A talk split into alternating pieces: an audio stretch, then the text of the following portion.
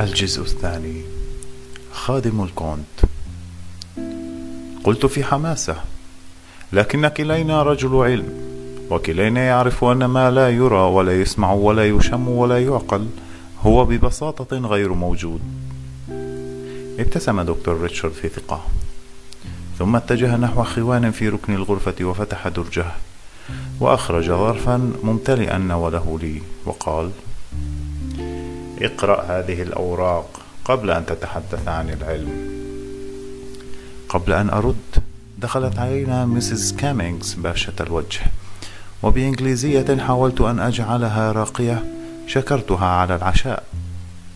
ثم بدأنا حديثا عن الطقس ثم أطريت بيتهم وأبديت إعجابي بلوحة العشاء الأخير المعلقة.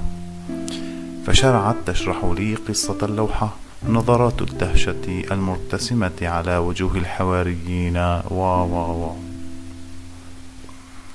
هل تعلم سر تشاؤم الغربيين من سقوط الملح على المائدة؟ فهززت رأسي معترفا بجهلي قالت لأن يهوذا الخائن مرسوم في اللوحة وقد انسكب الملح على المائدة أمامه هل ترى وجهه؟ هذا وجه ارتسمت عليه كل خطايا البشر. إنه خاضع للشيطان لكنه مستسلم لهذا ولا يجد سبيلا آخر. كنت في هذه اللحظة قد دخلت في عالم اللوحة لكني كذلك كنت أفكر في المسافة الطويلة التي تفصلني عن الفراش الدافئ وقراءة هذا المظروف الذي أحمله. وحين عدت للفندق تمددت على الفراش وتأملت المظروف الذي أعطانيه دكتور ريتشارد. وكان مليئا بأوراق قديمة وصور فوتوغرافية.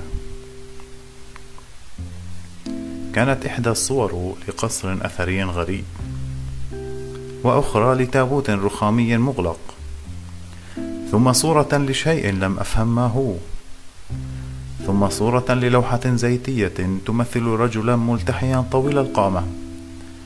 أما قطعة الورق الصفراء المهترئة فكان بها خريطة مرسومة بحبر أسود لقصر مجهول به سراديب. به سراديب سميت بأسماء سلافية لم أعرف حتى كيف أقرأها. ألغاز كثيرة جدا. أخيرا ورقة بالإنجليزية بخط دكتور ريتشارد تقول لقد بحثنا شهورا في سراديب قصر الكونت دراكولا في ترانسلفانيا. وهو الذي منعت السلطات السياح من زيارته لأنه آيل للسقوط في أكثر من موضع. وأخيرا وجدنا الخريطة المرفقة التي دلتنا على توابيت عائلة الكونت في سرداب قديم مليء بالأتربة والوطاويط. وقد فتحنا التوابيت كلها حتى وجدنا مومياء الكونت وعلى صدرها وجدنا صندوقا عاجيا فيه رسالة كتبها خادم الكونت للأجيال القادمة.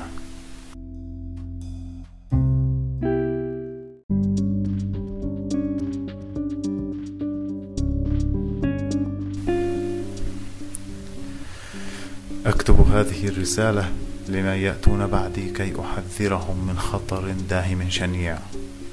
لقد اختار الشيطان هذه المنطقة التعسة مهدا لها إن دراكولا هو أول مصاص دماء يولد في هذا البلد. إن سيدي الكونت معروف بين الفلاحين بقسوته وطغيانه واستخدامه جيشا من المرتزقة لفرض سلطانه. كل هذا جعلهم يسمونه الشيطاني أو دراكولا بدأ الكونت في كل مساء يشرب مزيجا لعينا من دم الخنازير والنبيذ والتوابل بدعوى أنه يعيد الشباب. وبدأ يدرس السحر الأسود ويزداد انعزالا وغرابة. لقد بدأ وجهه يستطيل. وصوته يأخذ نبرة عواء الذئب في الليالي المقمرة.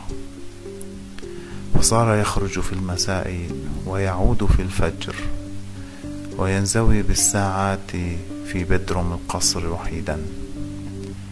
بل إنه لم يعد يأكل. وفي كتب السحر وجدت تفسير حالته. إن هذا المزيج الذي يشربه يقود إلى الخلود بأشنع الطرق. إنه يحيل من يدمنه إلى خفاش بشري يتغذى بدماء البشر ليلا وينام في تابوت نهارا ويموت إذا رأى ضوء الشمس. وكان لابد أن أعرف صباح اليوم التالي. استجمعت شجاعتي ونزلت بدروم القصر حيث توبت أسرته. وكانت رائحة العطن تملأ المكان والفئران تمرح في حرية تامة. وفي تابوت رخامي وجدت ما كنت أبحث عنه. لا تنفس. وجهه شاحب شحوب الموتى. وعلى شفتيه قطرات من دماء لم تجف بعد. وعيناه مفتوحتان تحدقان في لا شيء. اقتربت من شفتيه واستجمعت شجاعتي وفتحتها. فوجدت صفين من الأسنان الدقيقة المدببة كأسنان الطواري. انتابني ذلك الرعب المجهول الذي يشل العقل تماما. جريت في هلع وقد تسلطت علي فكرة واحدة. الهرب. لا أدري لأين. ونسيت أن أعيد غلق التابوت. إذا غدا الكونت مصاص دماء. وصار عالة على نفسه وعلى الآخرين. إذا كان أهل القرية محقين حين كانوا يرسمون الصليب حين يمرون بالقصر. وإذا كان هذا هو سر جثة المتسول العجوز التي وجدوها قرب القصر ملقاة على الكلأ وفي عنقه ثقبان أحمران. ولهذا نزع الكونت الستائر البيضاء والأيقونات ولهذا كان ذلك العواء الذي يهز القصر في الليالي القمرية. ولهذا ولهذا ولهذا عدت لكتب السحر أقرأها. إن مصاص الدماء كابوس ومن واجبي أن أجد أنا دواء لهذا الكابوس خاصة أنه لم يمتص دمي بعد ربما لحاجته إلي إن قتل مصاصي الدماء أمر سهل فهو يموت من أي رمز ديني. إنه مخلوق رمزي وجوده رمز ومصرعه يتم بالرموز. الضوء واللون الأبيض والفضة والكتب السماوية كلها تقتله. لكن الطريقة الفعالة هي وتد من الخشب يدق في صدره. ثم تلاوة صلاة الموتى عليه. وتحذر كتب السحر من أنه كما أن مصاص الدماء رمز فموته رمز. إنه يعود للحياة مرة كل مئة سنة ليعيث في الأرض فسادا. ثم إنه بعد أن ينشر الرعب والموت يقتل على يد إنسان لم يتلوث. وهنا أحسست بشيء غير عادي في الحجرة. رفعت رأسي فوجدت الكونت دراكولا واقفا على رأسي يسد الباب وهو يبتسم ابتسامة صفراء رهيبة. لقد جاء الليل دون أن أدري وحين نهض وجد غطاء التابوت مكشوفا وأدرك أنني فهمت. ونظرت إليه في هلع. لم يعد وجهه يمت بصلة للوجه الذي عرفته. ناباه الفظيعان. بشرته الشاحبة المتجعدة. رائحة الكبريت التي تتحدث عنها كل كتب السحر. تحرك أمام المرآة فلم أجد له صورة. حتى شمعة لم تترك له ظلا على الحائط.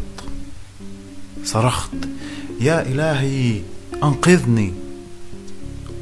أجفل وتراجع لحظة.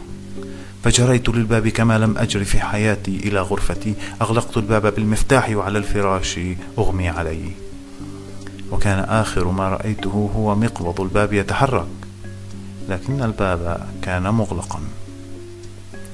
نعم صار الكونت هو خليفة الشيطان في الأرض. إنه مريض وهو يعلم ذلك. ولقد قررت أن أريحه. سأقتله اليوم. كتب السحر قالت إنه سيموت على يدي رجل لم يتلوث وأنا هو ذلك الرجل أنا القاضي والمدعي والجلاد معا. سأنزل إليه بالخنجر في الضي والثوم وقبل ذلك بإيماني. ولئن كنت ملوثا ولقيت مصرعي فليعلم من يجد هذه الرسالة ما علمته أنا. ولينتظر عودة الكونت كلما مرت مئة عام. ولينتصر من هو منا على حق. خادم الكونت جيزيب ميخائيل في عام الرب 559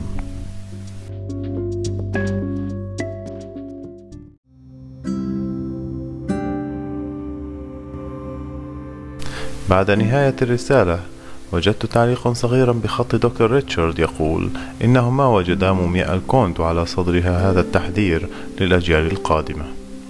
وأن هذا يعني أن الخادم وفق في مهمته. انتهت المذكرات. أغلقت مفتاح الأباجورة وأغلقت عيني لأريحهما في الظلام. إذا فهذه الخزعبلات هي ما يشغل ذهن العالم العظيم. وكل هذا الكلام الأبله الذي يقولونه في أفلام الرعب الرخيصة عن الهنود والإسبرطيين ومومياوات الصين هراء. ومضيت أسلي نفسي بمحاولة تخيل شكل الشر في العالم.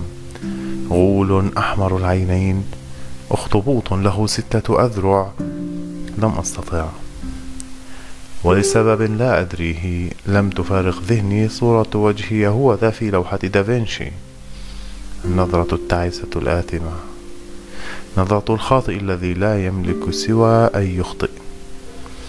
ولم أدري كيف ولا متى غرقت في سبات عميق.